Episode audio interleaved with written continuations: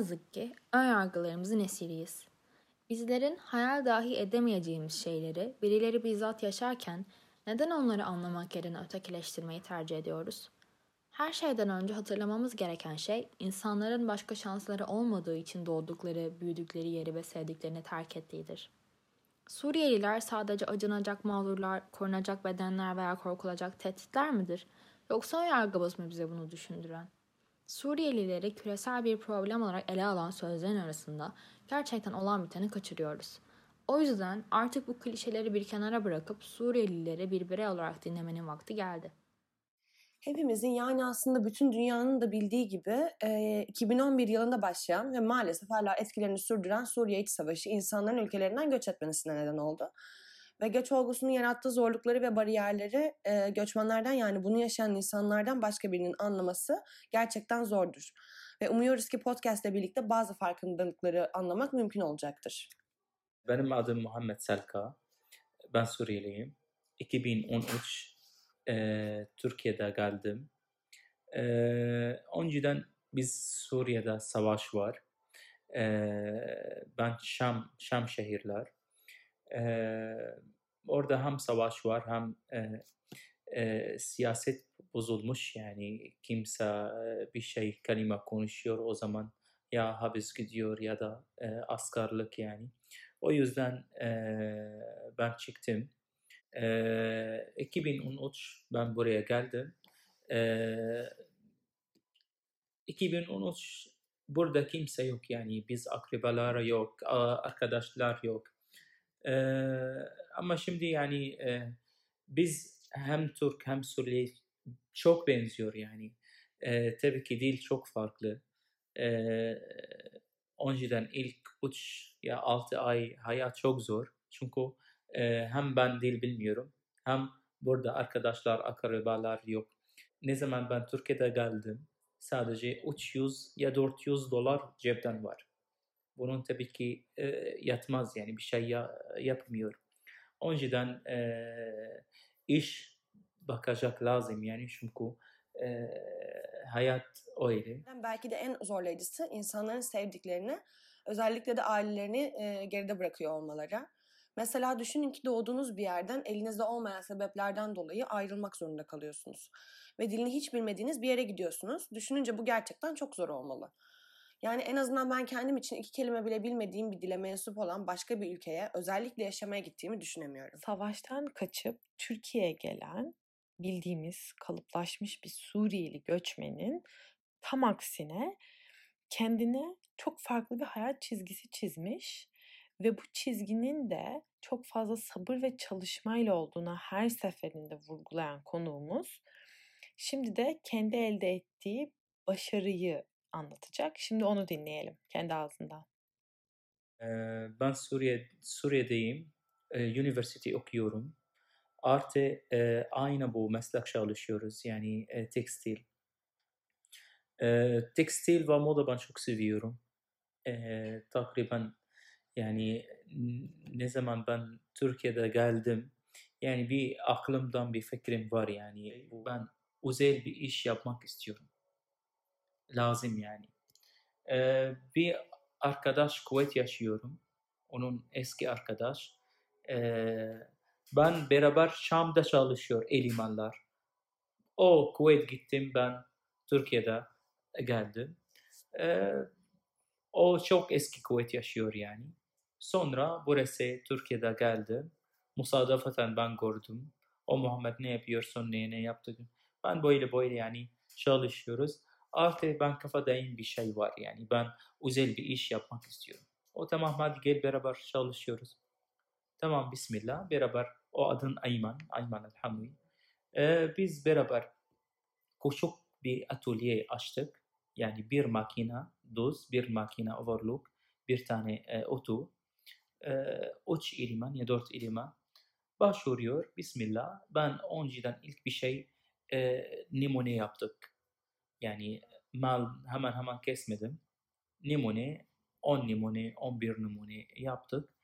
E, ben açık konuşuyoruz. İlk 6 ay çok zor.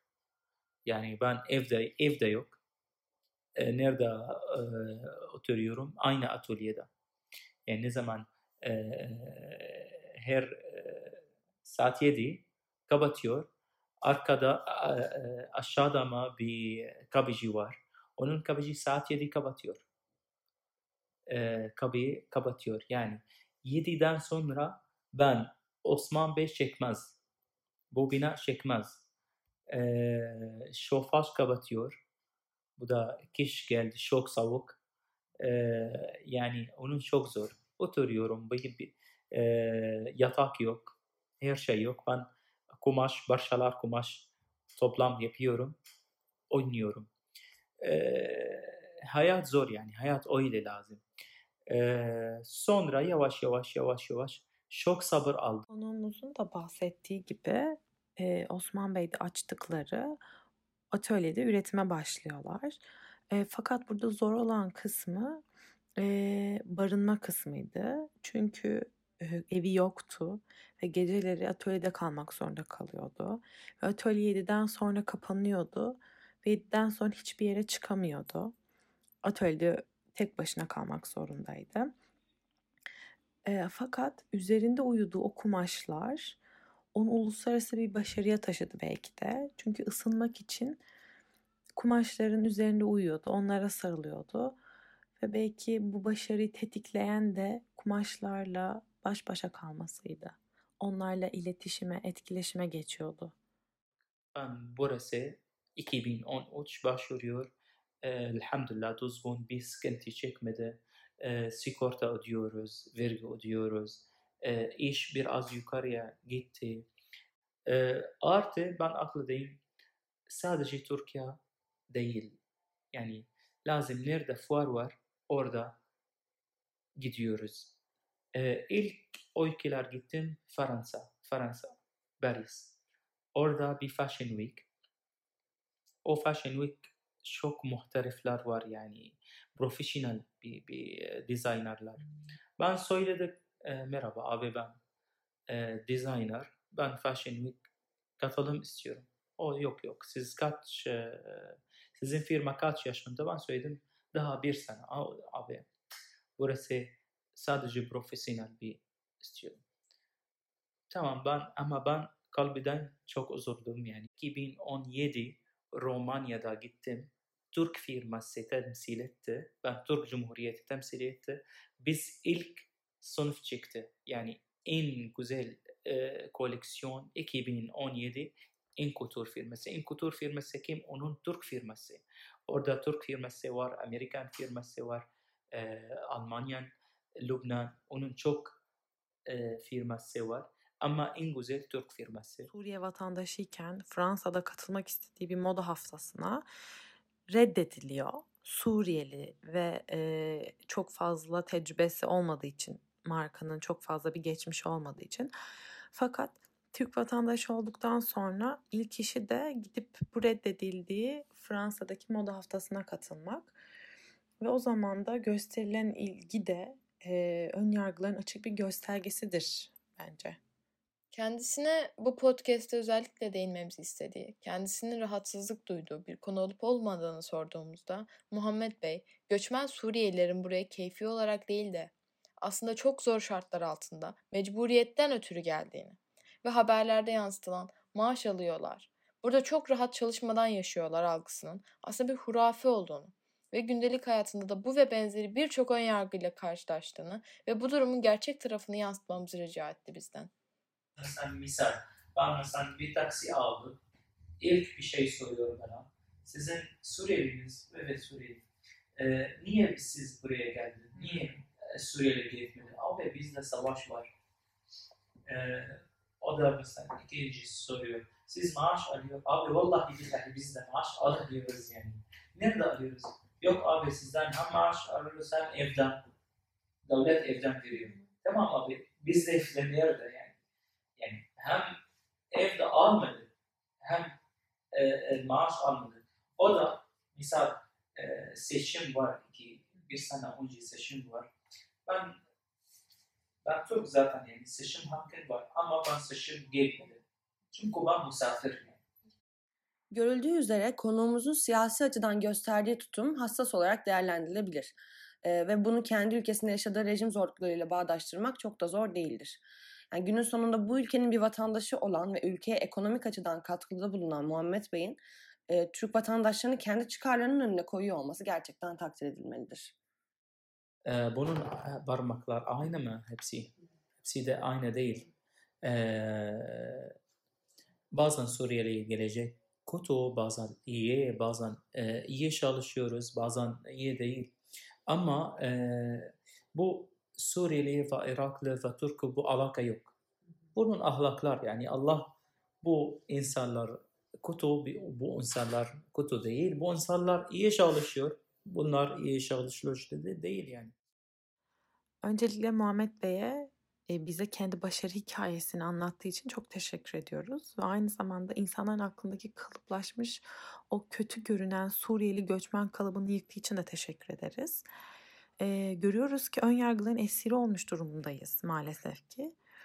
Kendisi 2013 yılında cebinde 300 dolarla geldiği Türkiye'de dilini bile bilmezken tek başına çabalayıp hayata tutunarak başarı elde etmiş biri ve şu anki konumuna gelmiş biridir.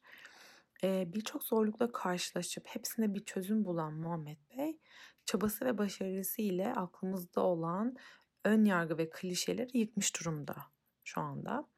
Başarıların devamının olacağı çok bariz bir şekilde belli ee, ve kendisi de artık bir Türk vatandaşı ve bence Türkiye oldukça fayda sağlayacak bir bireydir de aynı zamanda.